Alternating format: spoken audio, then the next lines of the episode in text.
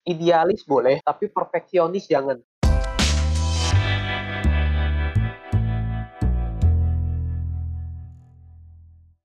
Selamat datang di podcast Bala lagi bersama Aslep yang sudah lulus tapi masih jadi Aslep. ya kali ini eh, kali kita akan ngebahas seputar kerja itu enakan di mana sih di startup atau di corporate. Eh, tapi kali ini kita kehadiran seorang alumni juga yang baru lulus ya namanya Betavian itu teman angkatan gue yang sekarang udah kerja di salah satu perusahaan di daerah Bekasi. Ya apa dulu lah. Ya Bet gimana Bet kabar Bet Yo, halo. Gua Betavian, calon alumni mahasiswa eh, yang sangkatan dengan Yeskiel. Ya masih belum masih belum alumni ya sebenarnya karena belum hitungannya belum wisuda Iya, calon alumni lah, calon alumni. belum resmi lah belum official lah tapi gelar Iya. reskopnya mah ya eh, ini aja ya dapat dapat aja gara-gara skripsi kan udah udah kelar lah Iya. yudisium udah selesai kan wisuda doang Iya, iya, belum iya. Iya, iya. Eh Bet, sebelum mulai, aduh thank you banget ya Bet, udah dikasih sound card ya, jadi kualitas suaranya udah nggak terlalu maksudnya nggak terlalu pro banget lah ya, karena gue juga masih perlu perlu belajar nyeting-nyeting, tapi at least ini sudah semakin baik lah kualitas suaranya. Ya thank you banget ya Bet ya, sponsor Yo. sponsor, sponsor, sponsor. Nah oke lah Bet. Oh, sebenarnya dari Yeskiel yang preferensiin aku ke HR-nya yang di perusahaan ini gitu. Itu sebabnya, itu gunanya koneksi gitu, penting gitu.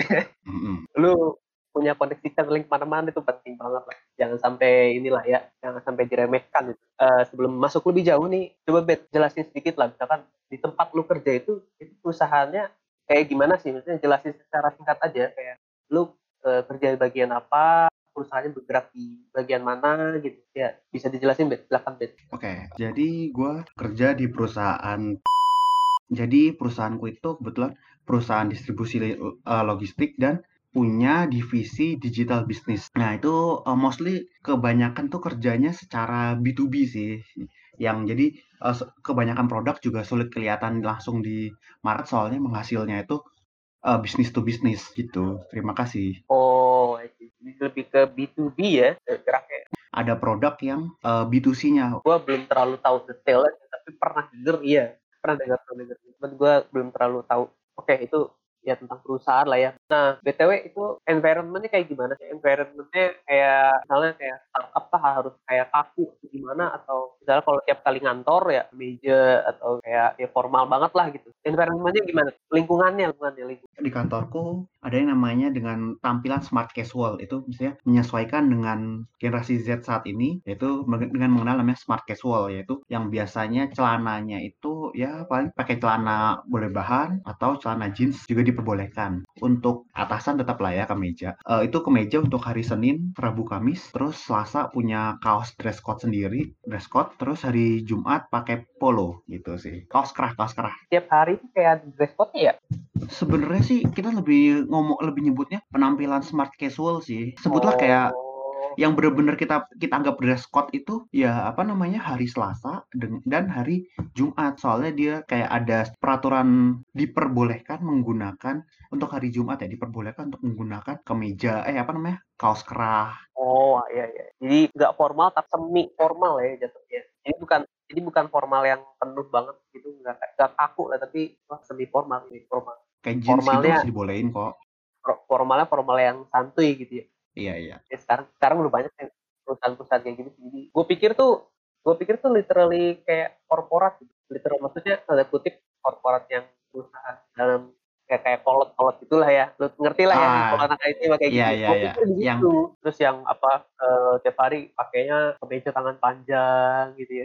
yang ada di pikiran gue sih itu yang ada di, di pikiran gue. Tapi sekarang sih kemu- ya, kemungkinan besar sih udah banyak lah yang beradaptasi sama generasi-generasi milenial yang udah tahu lah udah rada teki-teki gitu lah. Jadi kayak lebih di casual lah dari segi penampilan. Nggak peduli itu korporat atau startup lah ya. Nah ini BTW nih, lo selama kerja gitu metode yang dipakai di perusahaan tuh apa? Kan di IT itu kan biasa kayak ada Scrum, Agile gitu, Waterfall gitu kan. Nah itu Hmm. lo di kantor lu itu pakai metode apa? di kantorku itu untuk developmentnya sih mungkin disesuaikan sih karena kan kita kayak satu orang eh megang biasanya nggak nggak pure bener-bener satu project doang kan jadi bisa aja uh, satu orang megang multi project gitu. Jadi ada satunya sistem analis, satunya sambil nge ini atau bisa nggak sistem analis dua tiga project sambil megang projectnya bisa dua uh, software development ya, bisa software developmentnya bisa dua produk gitu bisa gitu. Jadi ditaruhnya mungkin di agile kali ya. Untuk yang di produk-produk aku belum sampai yang scrum yang tiap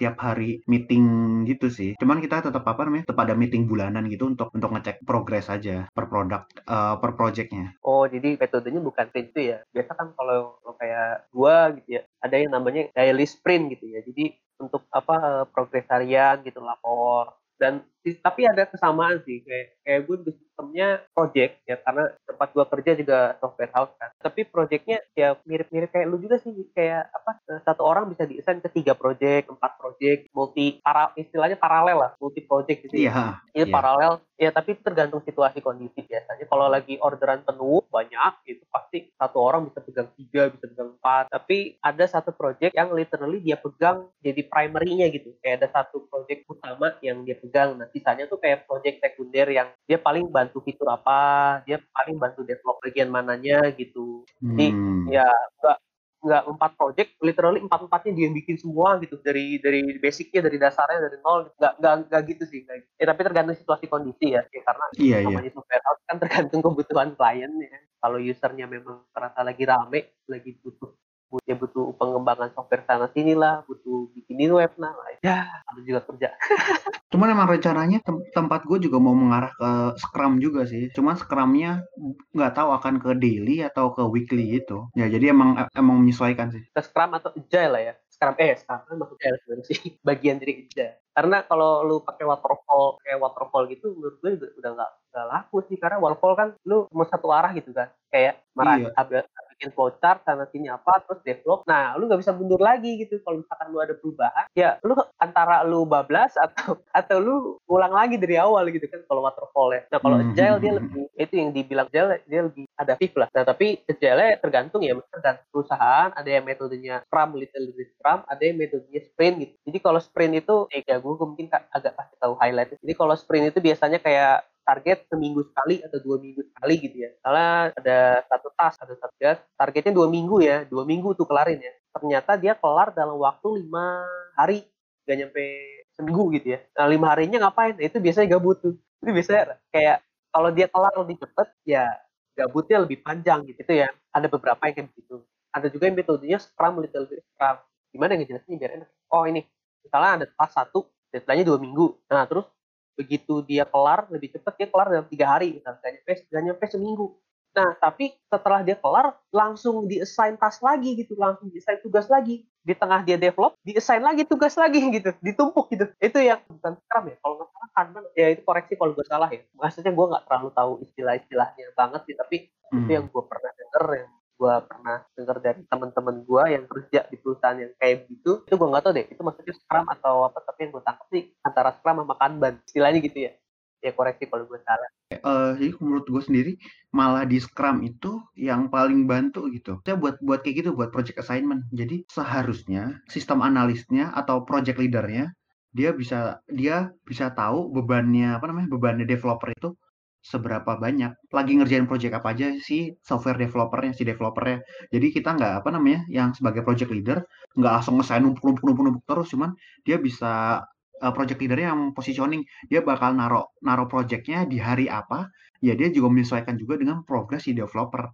Menurut gue malah kayak gitu. Bukannya malah kalau balikan kalau waterfall kan dia uh, kalau si waterfall kan dia kayak uh, taro taro jadwal tanggal di segini. Dia bakal numpuk terus soalnya dia overlapping gitu ke dua project ya. Cuman project initiation-nya nggak tanggalnya biasanya fix kalau ini kan kalau waterfall kan. Iya, waterfall itu water waterfall kan kayak kita kuliah dia tuh ya kayak air terjun lah Pak, dari atas ke bawah pokoknya satu arah aja gitu. Iya. Dan project initiation-nya biasanya spesifik gitu. Kapan projectnya dimulai itu biasanya mulainya spesifik gitu. Jadi malah agak sulit. Sedangkan kalau Scrum itu dia bergantung kepada project leadernya ya dia harus harus tektokan dengan project-project leader lainnya supaya nggak ada bentrok yang developer satu dikasih langsung lima terus udah kasih masih tambahin yang project ke enam ke tujuh ke delapan ke sembilan. Nah itu kan pasti modar kan. Makanya itu gunanya Scrum biar si project leader juga tahu juga seberapa banyak dia ini seberapa banyak apa progres telah dilakukan dan kapan project perlu ditambahkan.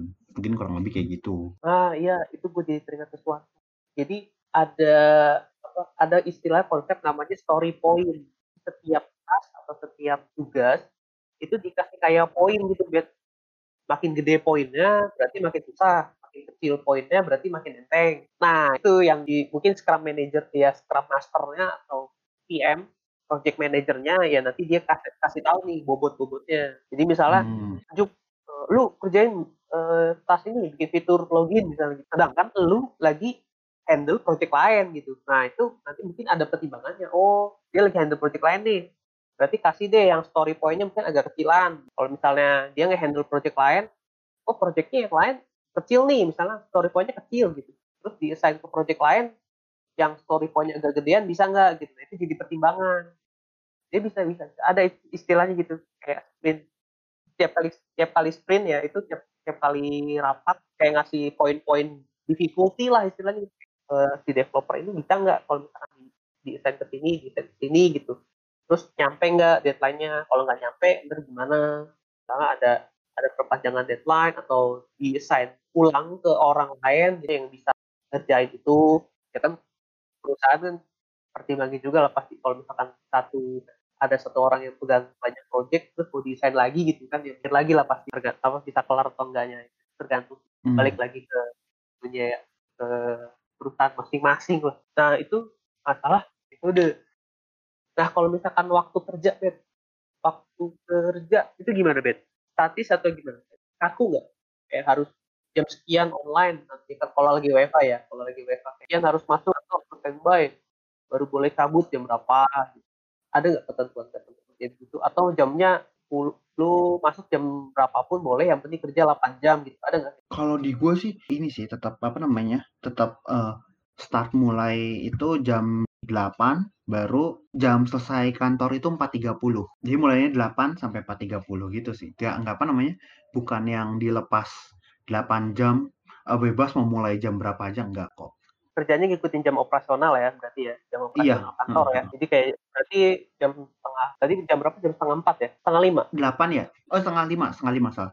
4.30. Oh, setengah 5. Sorry, sorry. Setengah 5. 16.30. 16.30. Ya, berarti setengah 5. Setiap jadi jam setengah 5 tuh biasanya kalau lagi ngantor tengah lima biasa udah pada itu ya beres-beres lah ya karyawan-karyawan yang itu biasanya udah pada packing-packing cabut balik gitu kan biasa lah ya uh, kalau di gua sih entah kenapa gua nggak tahu sih cuma kalau untuk divisi DBS sendiri nggak semua itu biasanya malah sampai jam 5 gitu. Maksudnya kayak kita di kantor gue sendiri gue kerasa kayak kantor ya keluarga sendiri jadi ya kita kerja lebih-lebih dikit ya nggak masalah juga. Atau kita juga ngumpul-ngumpul juga di kantor maksudnya buru-buru pun balik dari daerah kantor juga pasti masih macet. Jadi kita juga biasanya nggak nggak on time on time banget sih. Emang agak-agak ngaret dikit biar traffic di jalanan juga nggak terlalu siksa oh betul itu. Bekasi kan planetnya udah udah padat coy. Ya betul betul betul. Ya, ya bukannya ini ya maksudnya emang kayak traffic juga sih pertimbangan kayak aduh gue males kan kantor jam lima udah boleh balik gitu ya. Ya tapi you know lah kan beberapa ada yang bagi traffic kan itu jam-jam pulang. Apalagi kereta bos. Waduh kalau iya, kereta. Lu balik jam 5 bener-bener jam 5 ya. Wah hell coy. Itu hell aja gue juga yang apa namanya yang yang pulang pergi naik motor pun juga kerasa apa seberapa macetnya pintu pintu keluar apa namanya keluar Pulau Gadung itu cuma ada dua dan itu penuhnya kayak apa. Toh gue nyampe nyampe juga nyampe-nyampe juga sama-sama jam 6 jam setengah eh, jam 6 kurang sama-sama segitu. Ya udah gue mendingan baliknya agak ngaret aja. Untung-untung lumayan ngurangin peng, apa pengeluaran bensin di jalan lah. Gitu-gitu ngurangin bensin terus udah pas pulang ya udah plong aja gitu. Jadi kayak lebih baik balik agak sedikit malam. Ya tapi trafficnya loss gitu ya trafficnya enak. Daripada lu balik lebih awal macet di jalan nyampe rumah tiga malam. Itu penderitaan ya itu penderitaan itu lah kayak yang uh, anak luar kota lah ya. Keharusan pulang on time kalau kita emang lagi nggak ada nggak ada urgensi banget menurut gua. Nggak kalau gue sih nggak penting-penting banget sih toh. Juga gimana kita ngetrit teman-teman kita di kantor juga tuh pengaruh sih dengan sudut pandang kita. Itu mungkin yang biasanya yang pas pernah gue pelajari. Kalau kita ngetrit apa namanya orang-orang di kantor kita sebagai temen gitu mungkin kita lebih nyaman juga dan balik ngaret pun juga bukan beban gitu. Ya pasti sama-sama kerja sih soalnya kita sama-sama respect sama kerjaan temen gitu-gitu mungkin itu yang bikin apa uh, perspektif di mana kita uh, kerja overtime itu bukanlah suatu beban gitu. Iya iya. Ini juga sih kayak apa gue juga kalau kerja kayak kalau jam operasional gue sih jam 10 sampai jam sore. Itu kalau kalau gue ya secara operasional dari jam 10 sih jam 10 pagi sampai jam sore. Ya tapi kadang-kadang ini sih walaupun ya kan betul di WFA kan nah di masa WFA gini sih gue lebih sering lebih lebih sering setengah enam udah udah offline sih gue nggak nggak setengah enam jam lima malah karena pengaruh aslep juga kan. Tapi ada satu hari uh, ada satu hari tuh kayak kita online sampai jam tujuh malam setengah delapan. Ya itu kadang-kadang gue bantuin ya bantuin temen sih kayak contohnya si Kelly gitu si Asanul misalkan ada susah gimana ya jadi gue masih standby di kalau kita komunikasinya pakai aplikasi Slack pakai voice call kayak ngobrol sama pair programming gitu kan. Jadi share screen nanti saling bantu. Misalkan yang satu juga dokumentasi yang satunya lagi yang ngoding. Gitu. kalau misalkan ada tipe ada salah nanti langsung oh ini tipe nih. Eh, ini sintaksnya begini nih.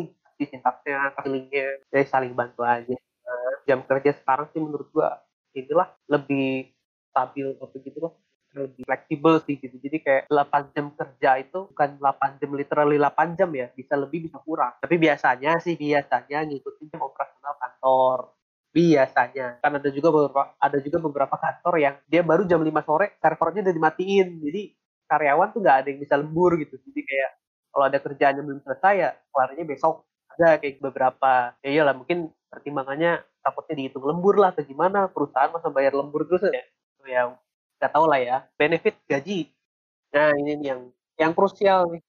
Oke okay, eh, ya sebelum maksudnya sebelum sebelum maju selangkah lagi nih sebenarnya startup atau korporat itu menurut gua tergantung preferensi orang sih. Nggak bisa maksa kayak luar korporat luar startup gitu. tapi balik lagi ke preferensi. Jadi ini ini bukan untuk menghasut ya.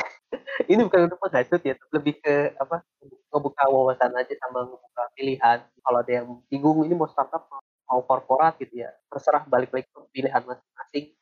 Jadi kita ngasih tahu benefitnya apa aja kerjaannya kayak gimana. Nah btw perusahaan lu perusahaan lu ini bet kayaknya kalau gue lihat aslinya induknya sih kayaknya korporat ya. Tapi lu lu kebetulan di, ditaruhnya di ini kan di anak perusahaannya ya bet ya? Yang iya. gayanya iya. udah mulai kayak startup.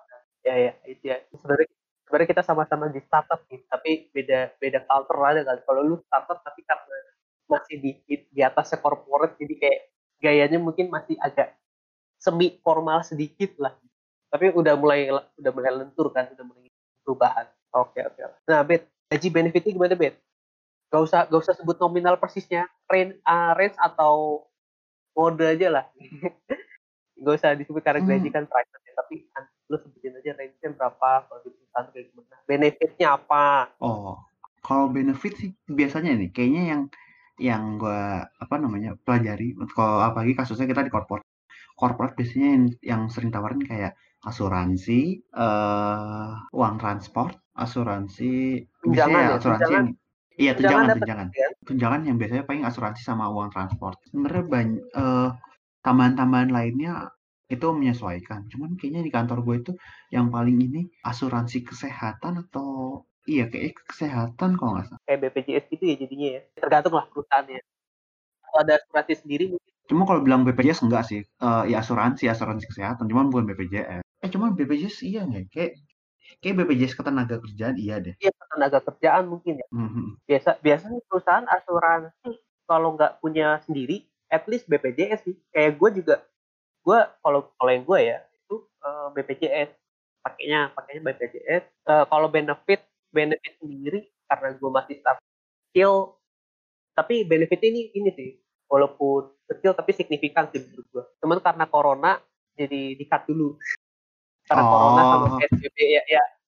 Ya karena karena corona dan psbb gaji gaji doang gitu yang yang literally pure gaji turun masih. Tapi benefitnya ada di cut karena kan lagi masa corona orang juga jarang ke kantor kan. Masih pada WFA kan. Kalau gua itu benefitnya yang gua baca itu benefitnya itu parkir kalau pakai kendaraan pribadi parkir ada tanggungannya nggak harus bayar sendiri sama makan siang dikasih. Itu menurut gue benefit yang cukup ini sih cukup cukup membantu sih. Apalagi kalau udah ngekos kan udah kan. Kalau udah ya kalau rantauan gitu ya lu makan siang tuh fix nggak keluar duit. Karena makan siang udah ditanggung. Cuman karena lagi corona dikat dulu kan. Ya orang-orang kan udah pada WFA semua. Di kantor masa pesan catering terus aja? Duit kantor habis.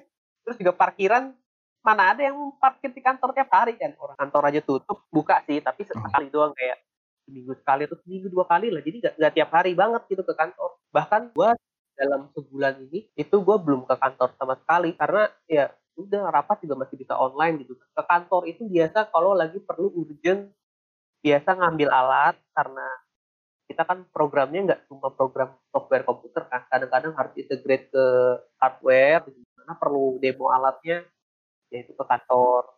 Tapi kalau enggak ya udah itu kayak bisa WFH itu WFH juga salah satu benefit sih. Jadi ke kantor itu bukan suatu hal yang wajib di gue ya. Ke kantor itu nggak nggak apa istilahnya kalaupun corona ini selesai ya, lu mau full time atau mau part time atau mau magang lu boleh kerja remote itu lu boleh kerja dari rumah ya selama deadline apa capek lah. Jadi ke kantor itu hanya kalau ada rapat atau ada meeting lah gitu. Hal-hal yang urgent lah. nah kalau lu eh ya di lu btw uh, udah udah mulai ngantor atau masih WFH? Kalau gue dari dari awal gue masuk ngantor sih, cuman ngantornya nggak uh, shift sih. Jadi kayak beberapa minggu ke depan itu gue seni uh, tiap Senin Kamis masuk sisanya WFH.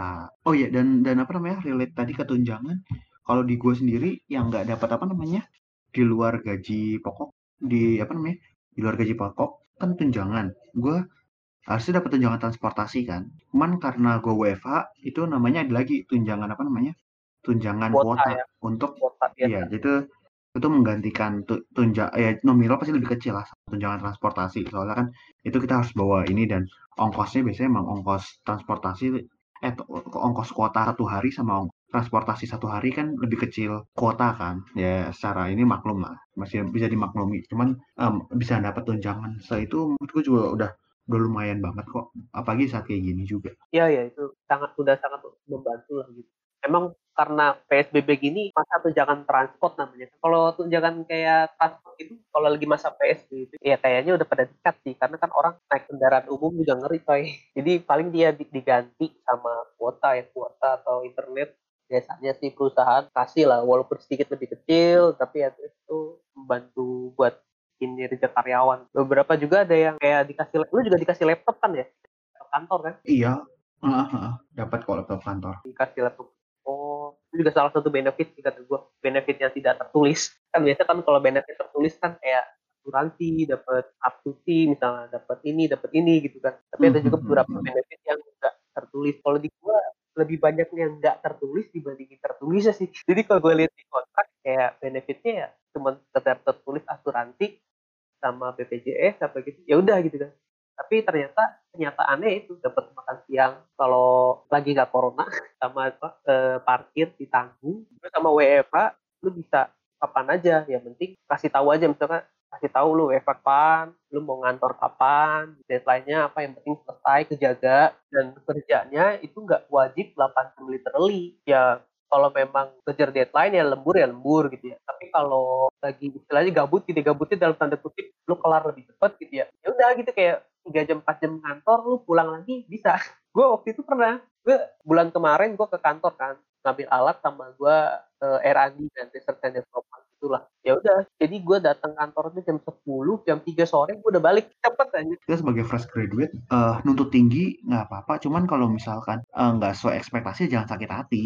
Karena kita juga uh, kelihatan kok nantinya pas lagi kita udah mulai ngantor ternyata ada hal yang sulit. Berarti memang itu di luar di luar knowledge kita kan. Berarti kita emang lagi masa masa belajar. Jadi itulah harga harga kita. Ya jadi kebalik orang itu sih kalau misalkan karena aku kan fresh graduate gitu sih. Kayak gue mau pilih perusahaan mana? Yang startup atau ke corporate? Perusahaan gede gajinya tinggi apa gimana gitu ya? Adalah ya tapi ini sih menurut gua indikator gini. Kalau misalnya lu di situ berkembang bahkan lu bisa sampai dipercaya ke posisi yang lebih tinggi gitu ya. Mungkin lu dapat promosi entah dengan gaji atau gimana gitu. Ya itu berarti lu cocok di situ lah intinya. Kayak, kayak udah ya udah kuat gitu jadi indikatornya nggak bisa nggak bisa kita prediksi gitu. Lu harus terjun dulu lu ngerasain dulu kayak kerjanya kayak gimana. Ya itulah gunanya magang juga sih menurut gue ya. Disuruh magang itu kayak gitu. Maksudnya buat nih ngerasain nih ya lu magang ya terserah lu mau di korporasi juga di startup juga tapi kan ntar lu bakal ngerasa kan salah satu dari jadi walaupun kayak awal-awal misalnya magangnya di korporasi aduh bosan nih. Iya sih jenjangnya gede gajinya ini tapi kayak kerjanya kaku atau gimana. Nah itu kan dapat gambarannya kan selama tiga bulan magang tuh. Nah ntar ke depan kira-kira rencananya gimana?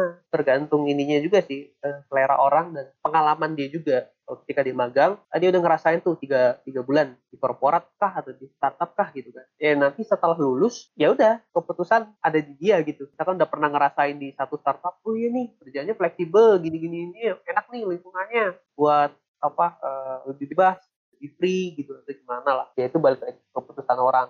Tapi di sini kita kayak cuma buat kasih tahu ya ini loh kalau di startup begini kalau di yang corporate begini gitu. Ya pilihannya ya di tangan orang ya di tangan yang ngedengerin lah gitu. Tergantung preferensinya. Karena tiap orang ada juga yang pertimbangannya dan kebutuhannya beda-beda. Ada yang butuhnya butuh duit yang lebih gede jadi ya udahlah iya. pertimbangannya mana. Nah, ada nah, juga yang ada juga yang gue nggak peduli gede kecil yang penting gue bisa grow di situ. Maksudnya lebih berkembang gitu. Jadi dia milih ke lingkungan yang lebih fleksibel kayak ke startup gitu ya. Ya nggak masalah. Nggak, nggak ada nggak ada larangan, nggak ada larangan. Gimana? Tergantung tergantung lu ya. Istilahnya tujuan lu ke mana sih gitu. Atau kalau kata si ya kalau kata temen gue beberapa dia bilang tergantung orientasi lu ke mana. Orientasi lu itu misalnya lu tujuannya kayak pengen buat belajar free gitu ya lebih fleksibel lebih lepas gitu ya. Ya misalkan oh ini pertimbangannya ya ke startup gitu. Contoh so, ada yang pertimbangannya kayak aduh gue lebih pengen teratur gue lebih pengen lebih disiplin gitu gue lebih pengen uh, apa lebih termanage gitu ya lebih manageable kasarnya gitu. Di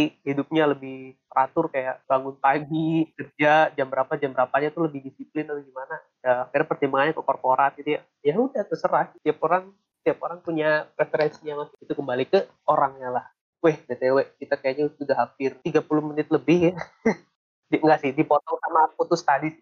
Nanti lah, tenang, gua cut-cut. Ya nggak apa-apa lah, gua cut-cut atau edit biar lebih mood lah ya. Jadi, iya, tenang aja. Cuma tadi gue pengen nambahin dikit ya tadi. Lu milih, eh kata apa, milih korporat atau startup. Menurut gue itu nomor dua ketika dua-duanya datang bersamaan ke lu. Kalau misalkan dua-duanya nawarin nih, coba kayak satu waktu lu apply lu apply banyak, dan dalam satu hari ada dua perusahaan kayak korporat dan uh, startup langsung kontak lo lu lu bikin pertimbangan itu oke okay lah cuman buat gue sendiri sebagai sebagai fresh graduate ya yang baru yang baru masuk kerja gue ngerasa gue baru nyadar kayak nggak penting nggak penting apa namanya buat buat buat mikirin itu.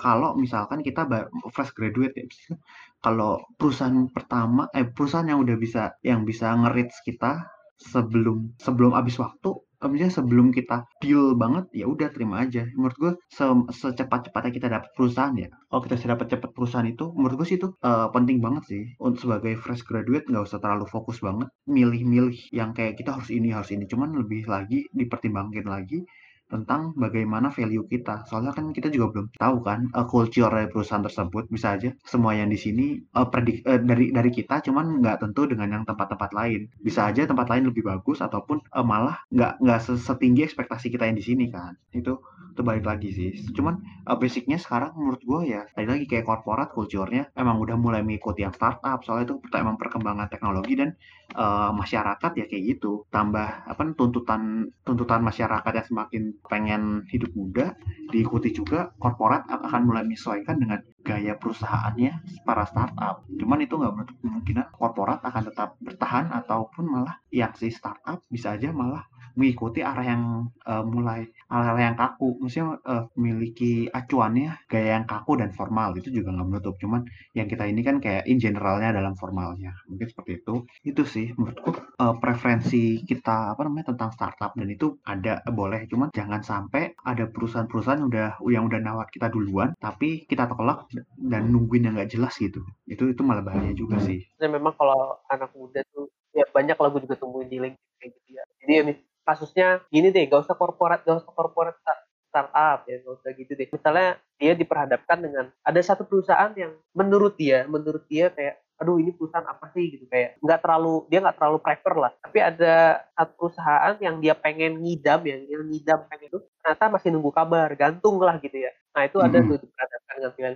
prinsipnya gini sih kalau masalah ya kayak gitu ya ini ini emang realitas idealis boleh tapi perfeksionis jangan. Idealis itu boleh idealis itu nggak nggak ada yang larang. Tapi perfeksionis ya jangan. Perfeksionis itu jadi kayak harus ini ini, ini gitu. Tapi literally harus harus ter harus terwujud gitu. Terwujudnya juga harus elegan lah atau gimana. Nah itu yang susah. Jadi karena lu di realita kayak gitu nggak nggak bisa gitu. Maksudnya lu nggak bisa nggak bisa langsung maksain harus jadi jebret gitu nggak bisa. Tapi idealis sih kalau idealis boleh boleh aja gitu lu punya Iya. target lu punya lu punya apa itu boleh tapi Iya, iya, ketika kehajar istilahnya kehajar realita ya Jangan sakit hati aja.